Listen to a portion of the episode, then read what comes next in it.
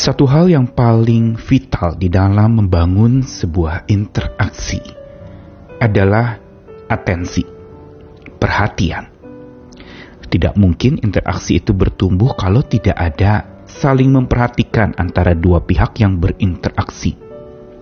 Kalau interaksi tanpa atensi itu hanya menjadi sebuah basa-basi hanya sekedar jumpa, bertemu muka, tetapi tidak ada pembicaraan yang dalam antara kedua pihak. Dan pada saat itulah maka interaksi semu yang muncul menjadi sebuah interaksi formalitas belaka. Berinteraksi demi sebuah struktur mungkin, atau berinteraksi karena ya sama-sama dalam satu lembaga deh, ayo kita berinteraksi tetapi sebenarnya secara natural dan spiritual, interaksi yang benar terbangun berdasarkan landasan pertama yaitu atensi, adanya perhatian. Dan kalau bicara perhatian, maka kata dasar perhatian itu adalah hati. Tanpa hati tidak ada yang namanya relasi. Tapi bila ada hati, maka relasi akan tumbuh dengan baik. Apalagi hati yang mau sama-sama saling terbuka, mau sama-sama saling peduli, mau sama-sama saling memperhatikan dan mendengarkan satu dengan yang lain. Di sinilah sebenarnya sebuah tatanan kehidupan yang berkilau akan terjadi. Tapi sebaliknya kalau satu dengan yang lain tidak hirau, maka akan tambah kacau.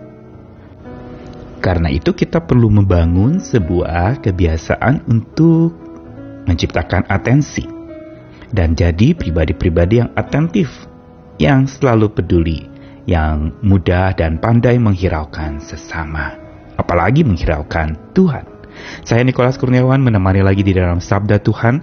Hari ini dari bacaan di dalam kitab Nabi Kecil Zakaria, pasal 7 ayat 8 sampai ke 14 Firman Tuhan datang kepada Zakaria bunyinya, Beginilah firman Tuhan semesta alam, laksanakanlah hukum yang benar, tunjukkanlah kesetiaan dan kasih sayang kepada masing-masing.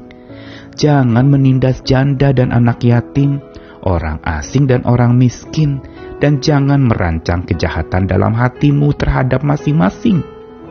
Tetapi mereka tidak mau menghiraukan, dilintangkannya bahunya untuk melawan dan ditulikkannya telinganya supaya jangan mendengar.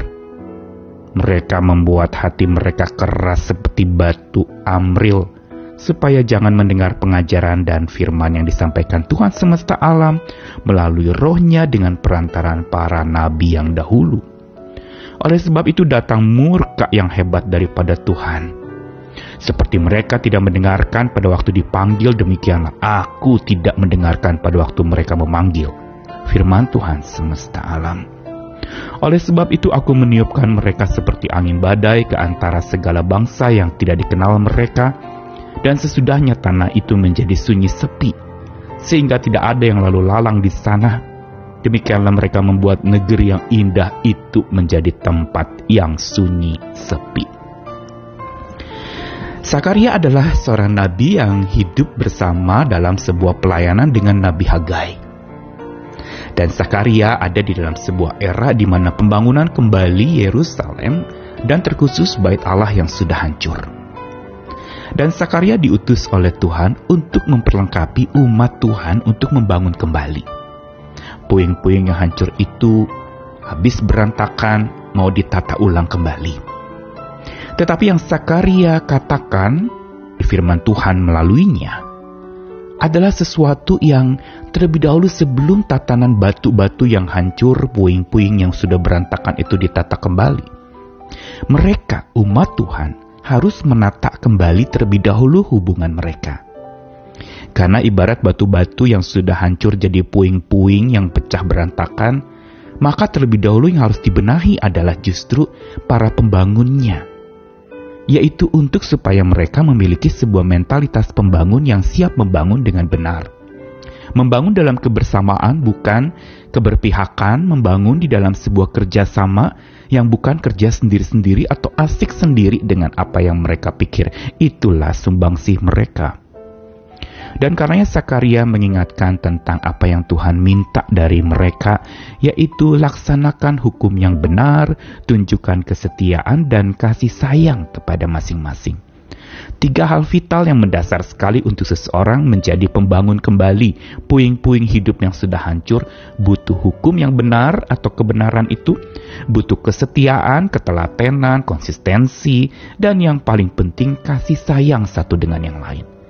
Tiga hal inilah perekat utama di dalam menata puing-puing hubungan yang sudah hancur dalam hubungan antar manusia, khususnya umat Tuhan.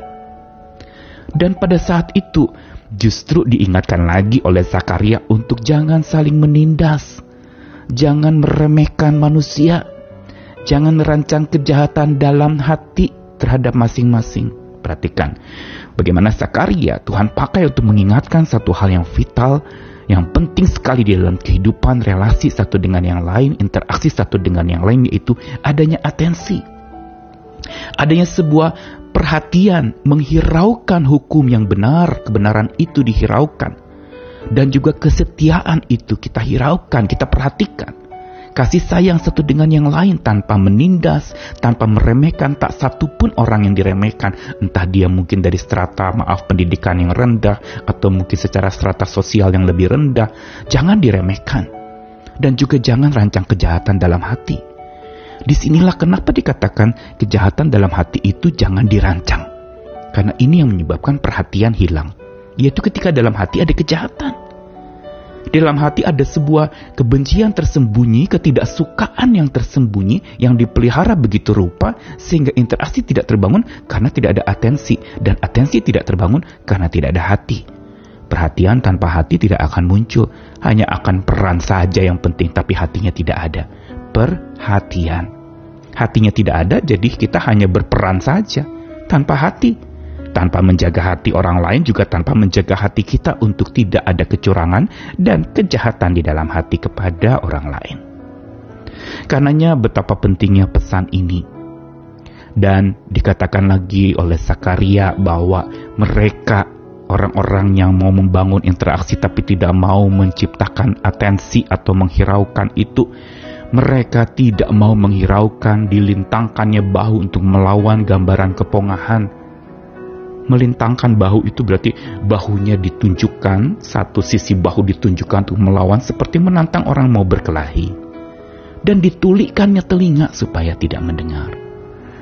Wow, ketiga hal ini adalah yang dilakukan Padahal Tuhan ingin adanya kebenaran, kesetiaan, kasih sayang dipraktekkan, tapi yang terjadi sebaliknya, tidak ada yang namanya penghirauan satu dengan yang lain, tidak ada atensi, pongah satu dengan yang lain, arogansi yang memimpin, dan tuli satu dengan yang lain tidak saling mendengar. Mungkin banyak nasihat ngomong banyak, tapi mendengar sedikit.